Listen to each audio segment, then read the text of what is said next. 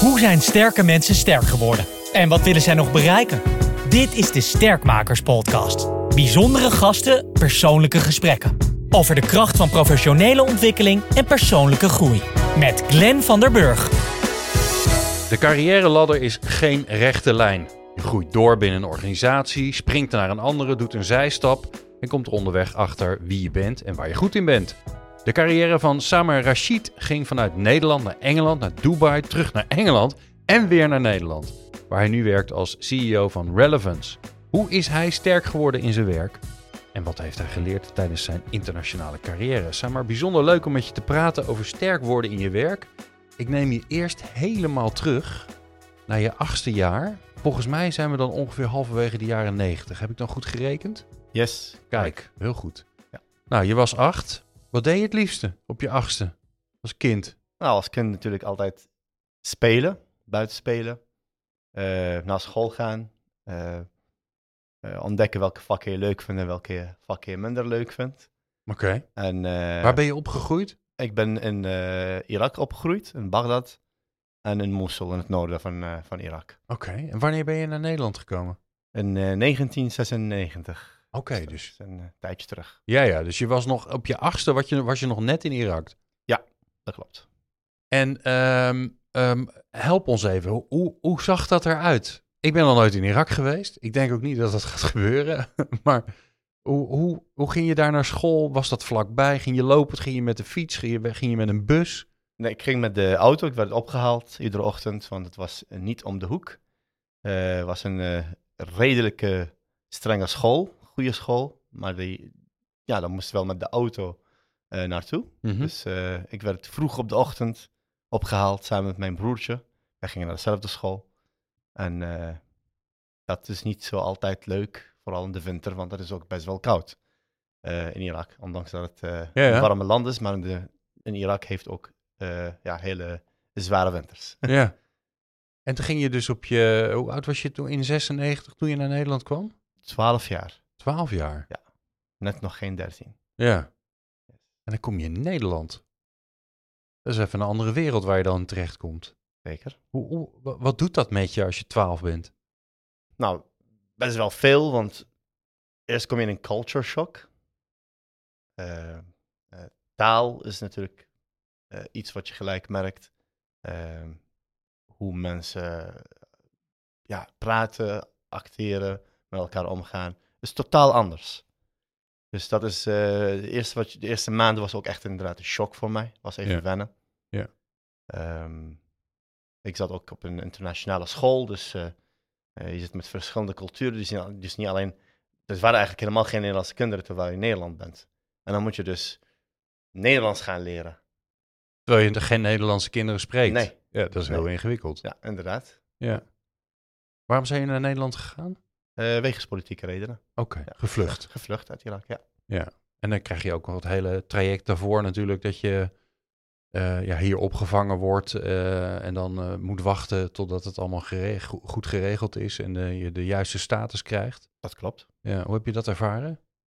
Als een situatie met onze onzekerheid, dus je leert gedwongen om te gaan met onzekerheid. Nou, dat maakt je ook wel wendbaar. Het heeft mij ook eh, veel gebracht. En het om, en omgaan met bijvoorbeeld een situatie waar we met z'n allen in zaten twee jaar geleden, COVID. Nou, dat is een, ook een gedwongen situatie die ons allemaal eh, heeft geraakt. Ja, Mhm. voor mij is dat makkelijker om mij om te gaan, omdat, het, omdat ik het een aantal keren meegemaakt heb in mijn, eh, in mijn jeugdtijd. Dus het, heeft, het zat in mijn basis. Ja. Maakt het iets makkelijker. Maar ja, eh, uiteindelijk ehm, ehm, moet je je, je je thuisland, je, je thuis moet je gedwongen achter je laten eh, op je twaalfde. Ehm, met je hele gezin gevlucht. Dat neem ik tenminste een beetje aan. Ja. Dat moet toch gewoon onwijs heftig zijn. Ja, zeker. Maar je Ook kijkt voor je ouders. Ook voor mijn ouders. Die Ja. hebben veel los moeten laten. Veel zwaarder voor hen. Maar ja, je gaat naar een, eh, van onveilig naar veilig. En dat, daar ging het allemaal om. Ja. Ehm, Wat Dus- merkte jij zelf van die onveiligheid? ja, dat, dat, dat, dat, dat gewoon, eh, dat, dat je niet weet wat er morgen gaat gebeuren. Het is altijd living in the moment. Hm. En dat is, daar leer je ook mee om te gaan. Het klinkt heftiger dan wat het in, reali- in, in realiteit is.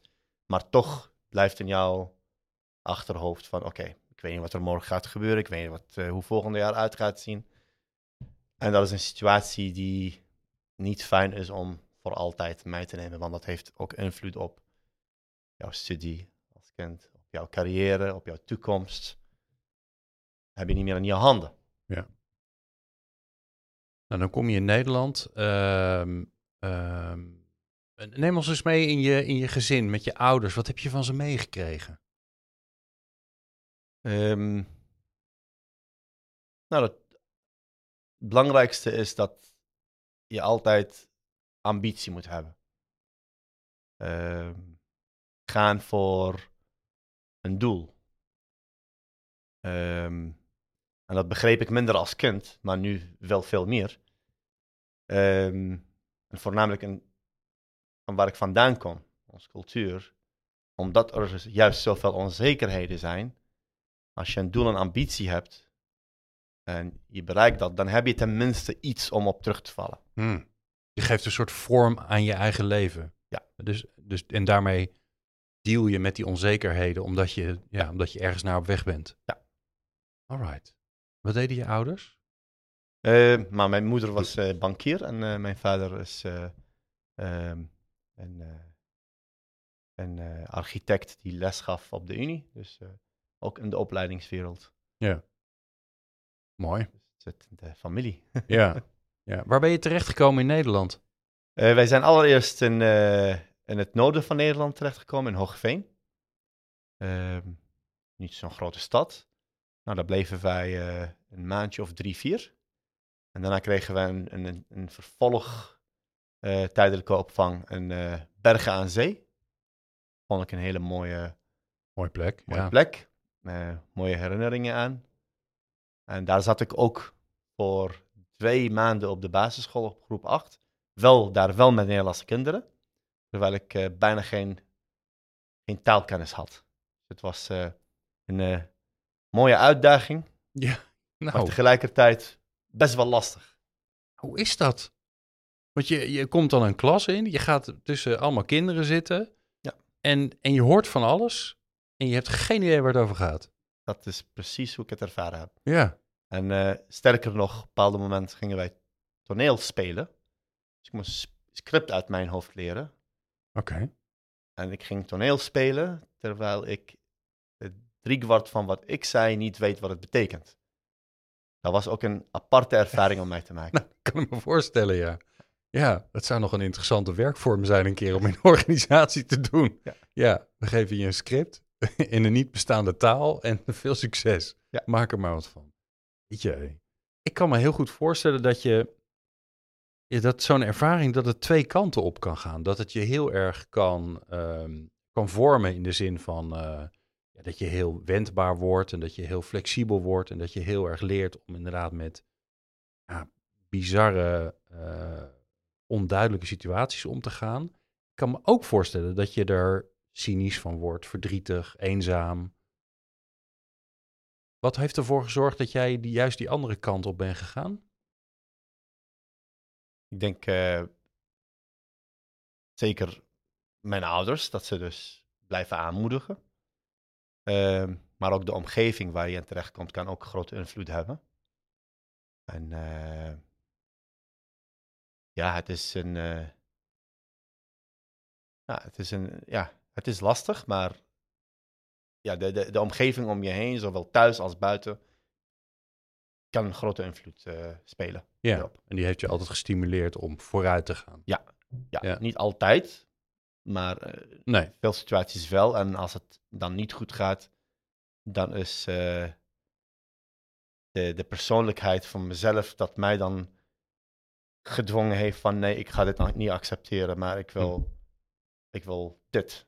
En Ja. ik ga niet mij in wat er gezegd wordt. want Ja. wat heeft het over jezelf geleerd, over hoe jij in elkaar zit? Ja, dat, eh, dat het allemaal in mijn eigen handen is. En als je te makkelijk in bent, En daar heb, daar heb, ik, echt, daar heb ik echt een harde les eh, van gekregen. Is dat als je het laat aan anderen, dan kan het eindigen in, op een- in een plek of een, een, een eh, bestemming wat niet gunstig is voor jou. Of niet zelf wil. Dus het ligt voor een groot deel in eigen handen.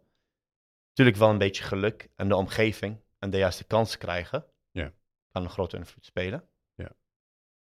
Maar ja, don't take a no for an answer. Ja, en je zei, ik, heb, ik heb het een beetje de hard way geleerd. Wat, wat zorgt er dan voor dat je dat de hard way hebt geleerd? Is dat je het vertrek uit Irak, het gedwongen vertrek? Of? Nee, niet per se, maar eh, eh, dat zeker. Maar ook na, het, na, na, na, nadat we aangekomen zijn in Nederland in de eerste twee jaar, eh, waren cruciaal in het vormen van wie ik ben vandaag.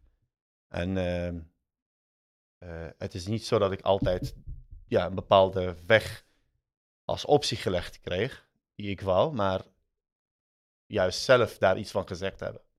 En gezegd van ja, maar dat, dat wil ik niet. Dus moet je je voorstellen dat ik op bepaalde momenten advies krijg van je wordt een automonteur.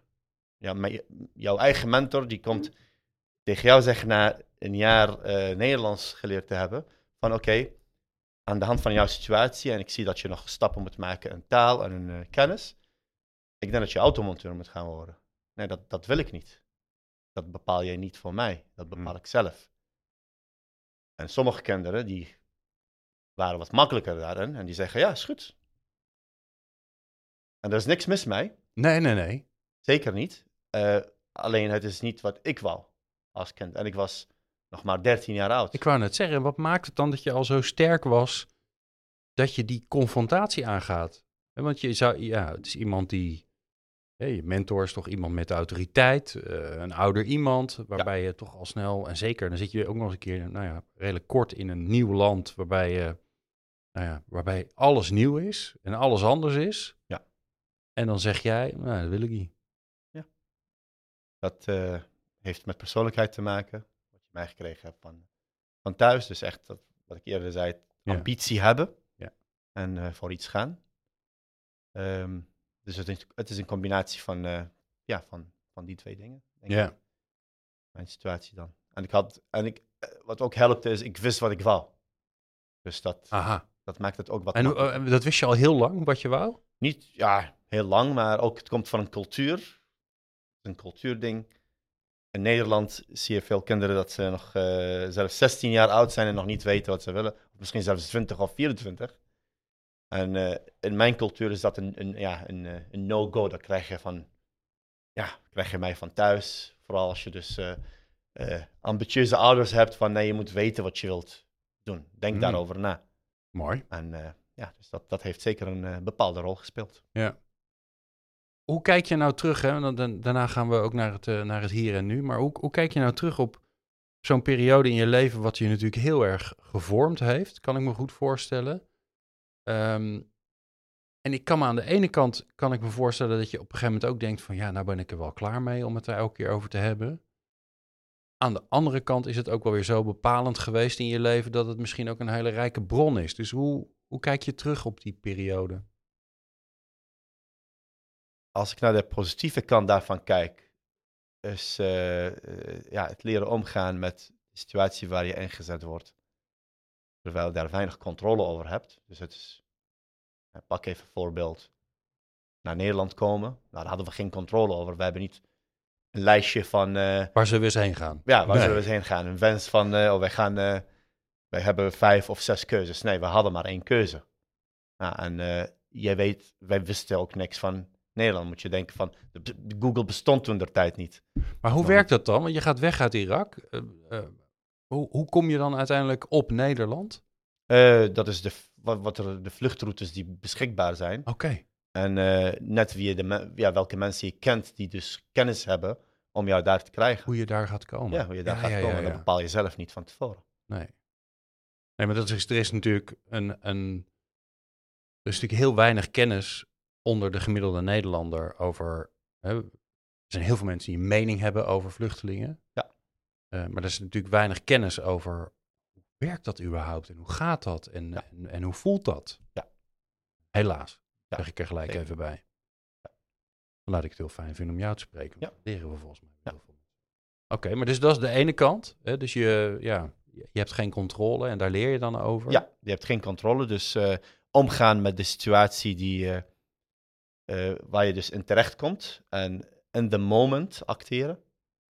Eh, weinig middelen. Dat, daar heb ik weer creativiteit van geleerd. Eh, nogmaals, resilience, dus wendbaar zijn. eh, openstaan voor verandering. Of je het wilt of niet. In onze Ja, die komt het- toch wel. Ja. Ja. was het meer gedwongen. Dus dan eh, leer je daarmee om te gaan. En dat, ja, dat, dat heb ik toch wel meegenomen naar, naar wie ik ben vandaag. En dat gebruik ik nog steeds in, eh, in mijn zowel persoonlijke als zakelijke leven. Ja. En dan probeer ik ook mensen daarmee te helpen. En die andere kant van de medaille, heb je som, heb je, heb, is dat er ook? Dat je denkt, ja, gaan we weer. Moet, ik- ga ik, moet ik het er weer over gaan hebben? Ik, ben, ik kan me ook zo voorstellen, ehm, ehm, en daarom vind ik het ook belangrijk om die deur open te zetten. Ja. Ehm, ja, dit is, een- dit is een onderdeel geweest van je leven, maar ja, je bent natuurlijk veel en veel meer dan dat. Dus ik kan me ook voorstellen dat je soms denkt, eh, dat is geweest, dat is eh, geschiedenis, dus ook lang geleden ondertussen. Ja. We hoeven niet elke keer erover te beginnen. Ja, en, en toch denk ik daar regelmatig aan terug. Eh, het is goed om even te, te reflecteren van waar komen we vandaan?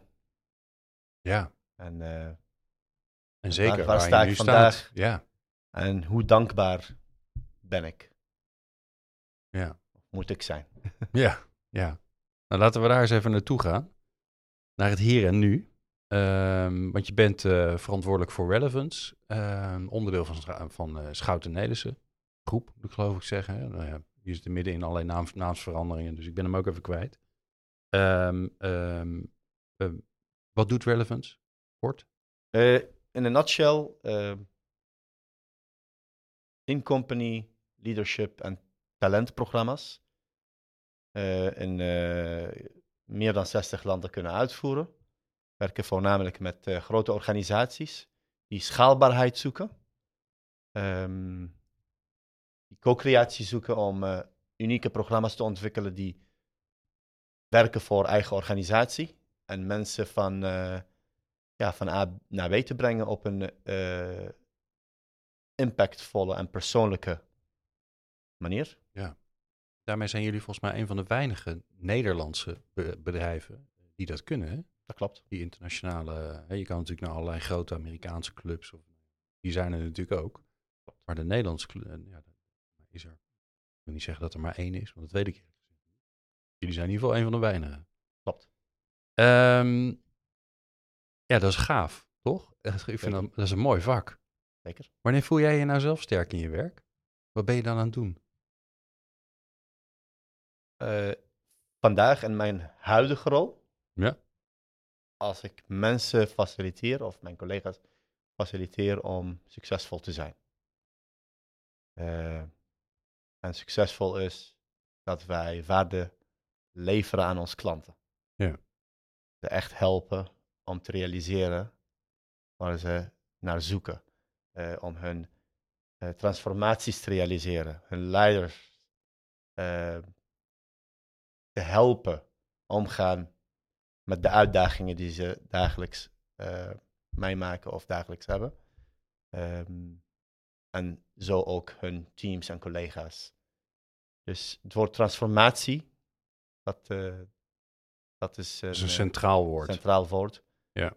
En, En je noemt het faciliteren, hè? Ehm, dat is een mooi woord, want dat, dat geeft ook aan dat je, dat, je, dat je mensen helpt, volgens mij, om dat te doen. Maar hoe ziet dat er dan uit? Dus wat doe, wat doe je dan? Als ik er een film van zou maken, of ik zou met je meegaan, ik ga een documentaire over jou maken die aan het faciliteren is, wat ben je dan aan het doen? de blokkades weghalen van mijn collega's, zodat zij door kunnen. Oké. Ehm, dat wil zeggen, ehm, nou, het is een, eh, wij werken met heel veel deadlines. Eh, met eh, klanten die iets nodig hebben op een bepaalde tijd. En dan een van de grootste uitdagingen die niet alleen wij hebben vandaag, maar ook eh, andere organisaties is middelen, mensen, beschikbaarheid. Eh, Aha, nou, eh, schaarste overal. schaarste overal. Ja. Nou, hoe ga je daarmee om? Eh, nou, dat, dat is een van de dingen die ik probeer te faciliteren voor mijn collega's in ons teams. Eh, het tweede punt is eh, skills, bepaalde skills die nodig zijn. Wij, eh, de wereld verandert enorm snel om ons heen. Technologie maakt dat, eh, maakt dat, eh, dat het ook nog sneller gaat. Ja. En eh skills steeds belangrijker wordt. Of het nou om een upskilling gaat of reskilling van mensen. Nou, dat geldt ook voor ons. Want als onze klanten dat nodig hebben, dat betekent dat we ook naar onszelf moeten kijken van, hebben we de juiste skills? Wat kunnen we eraan doen om dat te realiseren? Zodat wij door kunnen en dat onze klanten ook krijgen wat ze van ons verwachten. En als je dat nou op jezelf vertaalt, hè, welke skill ben jij dan nu aan het ontwikkelen waarvan je zegt van ja, dat is nou echt, dat is een nieuw ding, dat wordt gevraagd van me, maar daar ben ik nog aan het werken om daar echt heel goed in te worden. Ik zou dan eh, meer eh, naar de technologiekant eh, willen, willen kijken en daar stappen in maken. Mhm. Re- Relevance en Schouten Nelissen komt van een, ja, het is een traditionele organisatie die al 40 jaar bestaat. We hebben mooie stappen gemaakt al voordat COVID plaats heeft gevonden eh, als het gaat om technologie. COVID heeft dat alleen maar versneld. Mhm. Ehm, en nu zitten we in een fase waar wij eh, moeten dealen met ChatGTP en wat gaat dat doen met ons business model? Wat gaat dat doen met de wereld? Wat gaat dat doen met onze klanten? Dus dat is iets Ja. waar we naar moeten kijken en juist de volgende stap pakken. Ehm, als het om technologie gaat. Wij zijn al eh 3,5 jaar bezig met de blended. We hebben die, die transitie hebben we al gemaakt.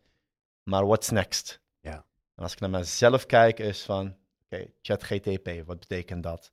Technologie, eh, wat betekent dat? Moeten we een eigen platform gaan eh, ontwikkelen? eh, of andere soort technologie, technologische tools die nodig zijn om onze business model future-proof te maken? Ja, ja, dus dan ben je met VR en met eh, AR bezig. Nou ja, natuurlijk eh, artificial intelligence. Ik, Alle vormen van technologie. als, je, als je dit aan het luisteren bent en je bent nog niet naar eh openai.org, zal het wel geweest zijn, hè? eh, geweest om die chat GPT, GTP. Nou, een van de twee, om dat uit te proberen. Ik zou zeggen, probeer het ook echt uit op je, op je hobby's. Ik vind zelf muziek maken leuk, dus ik heb gewoon gevraagd, schrijf even een liedje voor me. Nou, je schrikt je echt rot. Denkt echt, dit kan niet waar zijn. Zeker als je dan daarna nog een nieuwe vraag gaat stellen. Maar wat ik wel interessant vind, want ik had la- laatst ook een, eh, een uitzending over. En toen zei, ehm, eh, toen zei iemand die daar, eh, die daar helemaal in zit, die zei ja, mensen die goede vragen kunnen stellen, die kunnen hier heel goed mee omgaan. Dat is natuurlijk wel weer interessant, want dan, dan kom je toch weer in iets wat je toch zult moeten gaan Ja. trainen bij mensen. Ja, er is een nieuwe ja, skill of een nieuwe functie ontstaan daardoor. En dat zijn inderdaad mensen die de juiste vragen kunnen stellen aan ChatGTP om het eh, meest optimale uitkomst uit te halen. En dat noemen ze volgens mij prompt writers. En eh, als je nu ook alweer een prompt naam, writers ja. eh, googelt, dan zie je dat gro- veel grote organisaties nu dat echt ook daadwerkelijk als vacature hebben uitgezet. Geweldig. Ja, ja, en een paar dat geleden bestond dat nog helemaal niet. Dat is toch Het GTP is afgelopen Ja. oktober of november begonnen. Ja. Zo snel gaat dat. Ja. Hey, als je, ehm, eh, want je hebt een interessante carrière gehad, hè? Eh, niet alleen eh, internationaal begonnen met, met, je, met je vlucht van, van Irak naar Nederland, maar je bent ook, je hebt in Engeland gestudeerd, je hebt in, in Dubai gewerkt, Engeland gewerkt en toen weer terug naar Nederland. Dan ben je toch weer hier eh, terechtgekomen. Ja, dat was een, eh, een, eh, een reis van tien- bijna tien jaar ongeveer. Ja. En ja, ik wou heel graag internationaal, eh, dat internationaal ervaren. De andere culturen samenwerken. En uiteindelijk, ja, ik was, ik was bang dat ik mijn Nederlandse roots zou kwijtraken, die al niet sterk waren, want ik ben natuurlijk hier niet geboren. Ja. Maar ik wou, ik wou dat niet meer kwijtraken, omdat het mij best wel veel moeite gekost heeft om dat te realiseren. Dus ik dacht van, oké, dat, dat wil ik niet, Mm, ja, dat wil ik niet kwijtraken. En eh, ja, mijn, eh, ik ontmoette mijn, eh, mijn, mijn vrouw, dus nu mijn vrouw. En die wou ook niet naar het buitenland. Dus dat heeft de keuze heel makkelijk Ja, ja. gemaakt om terug te keren naar Nederland. Oké. En eh, je, en- je ontmoet een Nederlandse vrouw. Ja, in Nederland. Ja, ja dat ook helpt. met Irakese achtergrond. Oké, ja, maar dat helpt natuurlijk ook weer met een beetje met de roots. Ja, Zeker. ja. Zeker. mooi. mooi. Wat, wat, wat heeft het je, dat internationale, hè, wat, natuurlijk, eh, wat je natuurlijk regelmatig ziet bij mensen die, eh, nou, die een stevige carrière hebben. Sterker nog, er zijn grote consultancybedrijven die, daar moet je wel naar het buitenland, wil je echt een beetje carrière maken daar. Wat heeft jou dat gebracht? Leren ja, omgaan met eh, ja, andere culturen. En eh, om specifiek te zijn is eh, een cultuur betekent een ja, maar een andere cultuur kan het ook iets anders betekenen. Om heel even plat te zeggen. Dus hoe ga je daarmee om? Hoe kan je dat lezen? Ehm, eh, ja, wat ik, dat noem ik emotional intelligence. Dat heeft mij heel veel gebracht. Dat je dus echt goed kan lezen wat mensen nou echt bedoelen. En ook weten dat eh, er is niet een bepaalde manier, er is niet alleen maar één oplossing. Of eh, een, een manier, iets wat wij hier in Nederland doen en denken van dit is de beste manier om het te doen, wil niet zeggen dat dat ook in Dubai het- hetzelfde geval is, of in, in India of in andere culturen. En dat, dat, dat is ook een besef die ik, eh, ja, die ik heb zien ontwikkelen. En van, hey, hey, het kan ook anders. Of Ja. eh, hier werkt het niet zo. Ja, en ik kan me ook voorstellen dat je daarmee, dat je leert om je het ook, om je aannames los te laten.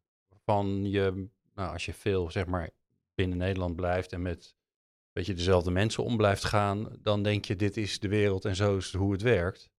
Ja. Ehm, ik merk dat zelf al als ik, eh, als ik e-mails ga schrijven naar, naar, E- naar Brits-Engelsen, merk ik dat ik mijn taalgebruik al ga aanpassen omdat je in Nederland natuurlijk best wel gewend bent om heel stellig te zijn. Ehm, ehm, en als ik dan met een, met een Brit ga mailen, dan wordt het heel erg, eh, ja, would, should, could. Hè? Alle vormen van, eh, van, van, van moeten of willen, die zijn, eh, die, dat zijn er nogal wat. Dat Yes. vind ik wel mooi om dat verschil te zien. Ja. Ja. Ja, nou dat zul je helemaal meegemaakt. Kan je nog, ehm, kan je nog een lekkere blunder herinneren die je gemaakt hebt en waar je ongelooflijk veel van hebt geleerd? Een grote blunder.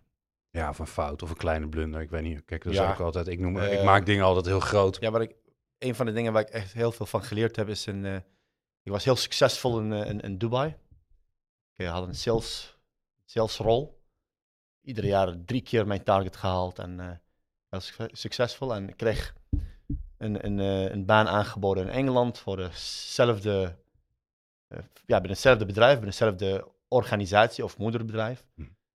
En ik, ik was de onderstelling van, nou, als ik, een als ik succesvol ben in Dubai en hier drie keer mijn target score, oh, dan kan ik dat ook in Londen doen. En dat is een, een aanname die ik gemaakt heb, die, eh, die uiteindelijk anders uitgepakt eh, heeft. En eh, daar heb ik heel veel van geleerd. Oké, Dus het is, eh, want daar lukt het niet zo goed. nee, het is niet, als je ergens succesvol bent of als je nu in iets succesvol bent, wil niet zeggen dat dat blijft.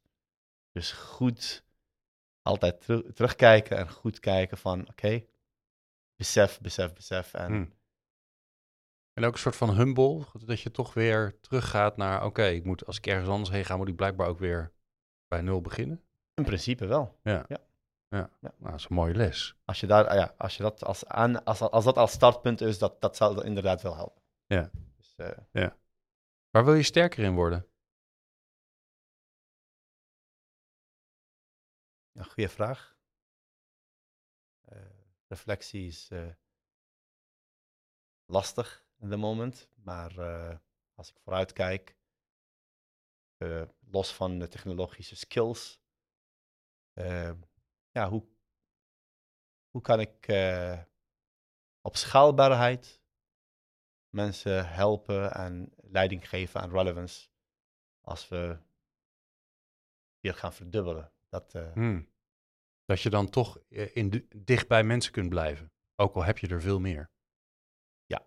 En, en ook ja, de, de, de blokkade. Want naarmate je groeit een rol en hoe groter de organisatie wordt, dan ontstaat op een bepaalde manier een bepaalde blok tussen eh, een leider en de organisatie. Ja. En dat is ook iets wat eh, goed in de gaten wil houden. Ja, dat je toegankelijk blijft. Dat mensen je aan kunnen blijven spreken en zeggen: hé, hey, ik zie dit gebeuren. Ja. Maak me daar zorgen over.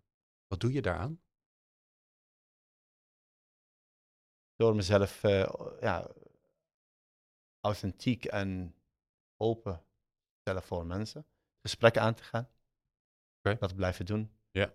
Ehm, Hoe doe je dat? Want daar kunnen mensen volgens mij veel van leren. Hoe je dat dan doet. Hoe, hoe, hoe ga je het gesprek aan? Nodig je mensen uit in je kantoor? Loop je naar ze toe? Ga je op de koffie? het, kan, het kan op eh, allerlei manieren. Maar waar het voornamelijk om gaat is. Stel je echt de vraag en ga je dan echt luisteren? En hoor je wat ze zeggen en empathie tonen? Of doe je het alleen maar om het af te tikken? Mm. Trucje. Ja. Ja, mooi. Ehm, je hebt een eh, uitdagende baan. En dan hoor ik je ook nog tussen de regels zeggen: ja, het doel is toch eigenlijk wel verdubbelen. Dus dat is ook nog eens een keer een interessante uitdaging. Hoe zorg je ervoor dat je, eh, dat je fit blijft in je hoofd en in je lijf? Rustmomenten te pakken. Regelmatig. Hoe, hoe, hoeveel dat het lastig is. Eh, want ja, je komt thuis. eh, ja, dan. eh, en dan heb je nog kinderen thuis. En Ja. de volgende dag ga je weer. Dus ja, de balans. En de rustmomenten zoeken. En ook echt van genieten. En hoe ziet een rustmoment eruit? Wat, wat, wat doe je dan of wat doe je dan niet misschien zelfs? Ehm, nou, thuis bijvoorbeeld echt iets met mijn dochter doen. Dus niet eh, tussendoor nog op de telefoon en iets met jouw dochter doen, maar echt het moment pakken. Hm. Al is het maar een paar minuten, maar echt een- de quality time zoeken. Hoe oud je dochter? Vijf. Vijf. Ik heb één Oh. van één. Ja. En wat doe je, wat, wat ga je dan met haar, met haar doen? Hè? Wat vindt ze leuk? Nou, ze vindt bijvoorbeeld puzzelen leuk of Lego spelen of Ja. eh, gewoon een, een gesprek aangaan of dansen. Goed luisteren, want eh, zij komt van school en dan wil ze altijd dingen zeggen. Oké. het echt luistert. Ja, ja. Nou, dat zijn de momenten die voor mij wel eh, Ja. ja, quality time betekenen. Ja. ja, ik vind het altijd zo mooi met kinderen dat eh, het zorgt ook voor perspectief. Hè? Want je bent natuurlijk, je bent verantwoordelijk voor een organisatie, in 60 landen, groot en ingewikkeld. En dan kom je thuis en dan heeft je dochter een verhaal over, nou, iets wat er gebeurd is. Leuk plakwerkje wat ze heeft gemaakt. Of, eh, ik vind dat altijd, ja, volgens mij helpt dat heel erg. Zeker. Eh, ik stel me wel eens voor, als ik geen kinderen had gehad, ja, dan, dan, dan is dat er dus niet. Dan is dat contrast er niet. En voordat je het weet, eh, heb je het idee dat het allemaal heel belangrijk is wat je het doen. Ja, is het natuurlijk soms ook. Maar ja. hey, ik neem je mee naar je tachtigste verjaardag. Dat is nog een end weg voor je, want je bent nog een jonge man. Ehm, maar we gaan even de toekomst in. Ehm, er is een mooi feest voor je georganiseerd. En er wordt gespeecht voor je. Wat hoop je dat ze, je vrienden en je collega's over je zeggen?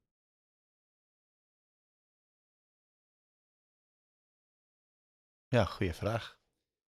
Eh,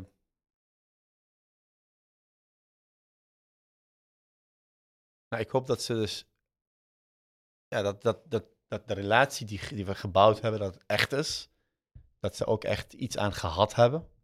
Dat ik iets voor ze heb kunnen doen. Dat ik ze ergens mee geholpen heb. En dan kom ik terug op waarde creëren. Dus waarde creëren niet alleen voor klanten, maar ook echt voor mensen. Als het gaat om persoonlijk vlak. Dat zou ik leuk vinden om te horen. Ik ben ook echt iemand die graag helpt. Ja. Dus dat, dat, ja, ik zou het leuk vinden als ik dat terug kan horen in, in de speech. Je bent, eh, je bent 80, dus je bent een wijs man ondertussen. Stel je voor dat je nou advies aan je 20-jarige zelf zou moeten geven. Met alle wijsheid die je hebt verzameld. Wat zou je dan jezelf adviseren?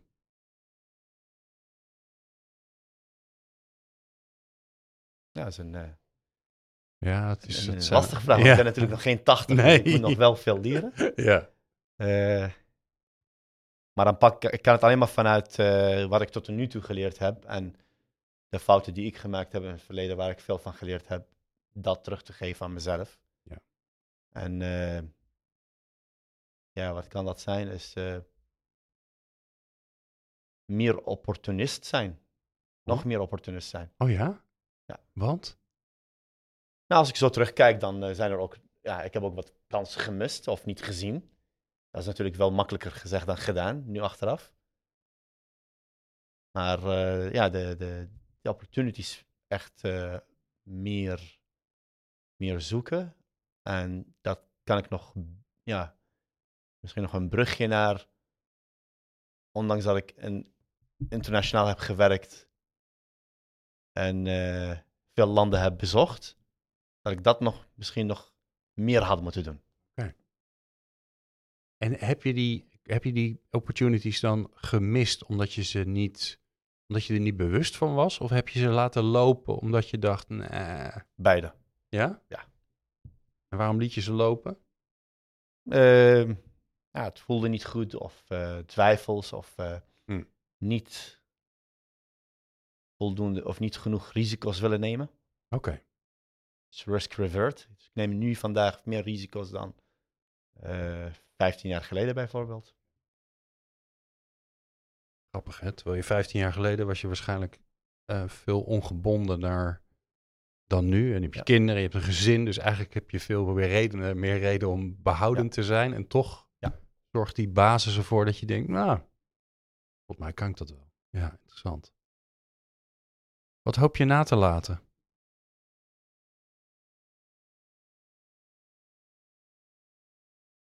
Eh, in ieder geval een op zakelijk gebied een organisatie die toekomstproof is, die zelf verder gaat ontwikkelen en eh, ja, een, een toegevoegde waarde heeft aan de samenleving, Mhm. de omgeving omheen. Op persoonlijk vlak is dat ik ja, mooie, mooie DNA, mooie foundation, mooie basis voor mijn kinderen kan achterlaten. Als het gaat om gedrag, kennis, cultuur, maar ook eh, financieel bijvoorbeeld. En ambitie, hè? Want dat hoor En ambitie, dat, eh, dat, zeker. hoor- dat klinkt in het hele... Dat, ik kan me niet anders voorstellen dan dat je dat ook aan je kinderen door gaat geven, toch? Ja, mooi. hey, ik heb nog een laatste vraag eh, aan je. En die stel ik aan iedereen. Welke vraag zouden eh, onze luisteraars zichzelf nou moeten stellen als ze sterker in hun werk willen worden? Dus wat is een goede vraag om je aan jezelf te stellen? Kijken naar eh, wie je bent vandaag. En eh, ja, dat, dat allereerst waarderen. Oké. En dan, ehm, En waarom is dat waarderen zo belangrijk? ja, want wij, wij kijken niet zo gauw terug van waar we vandaan komen. Eh, vandaag sta je, als het goed is, ergens anders dan tien jaar geleden. En het is goed om te reflecteren en terug te kijken. En dat geeft dan ook inzichten van, en nu verder, hoe verder? Hmm. Wat is de next step? In welke vorm dat ook is. Er klinkt een beetje in door dat we te veel bezig zijn met morgen. Ja, en het nu. Ja. Het is vandaag of eh, de uitdagingen die nu zijn en de uitdagingen op ons laten afkomen. Het zou mooi zijn als je in control bent van wat er en, en, en in control bent en invloed kan spelen op wat er nog op, op je gaat afkomen. Mooi. Dankjewel, Samar Rashid, eh, CEO bij Relevance, voor, eh, voor het leuke gesprek, voor je mooie inzichten. En jij natuurlijk dankjewel voor het luisteren. Eh, veel meer informatie kun je natuurlijk zoals altijd vinden in onze show notes. Bedankt voor het luisteren naar de Sterkmakers podcast. Hopelijk heb je er nieuwe energie van gekregen. Maar echt sterker word je door er iets mee te doen. Dus waar wacht je op? Aan de slag! Meer podcasts vind je op jouw favoriete podcast-app door te zoeken op de Sterkmakers podcast. Bezoek ook onze website sn.nl/podcast. voor alle informatie over de Sterkmakers podcast.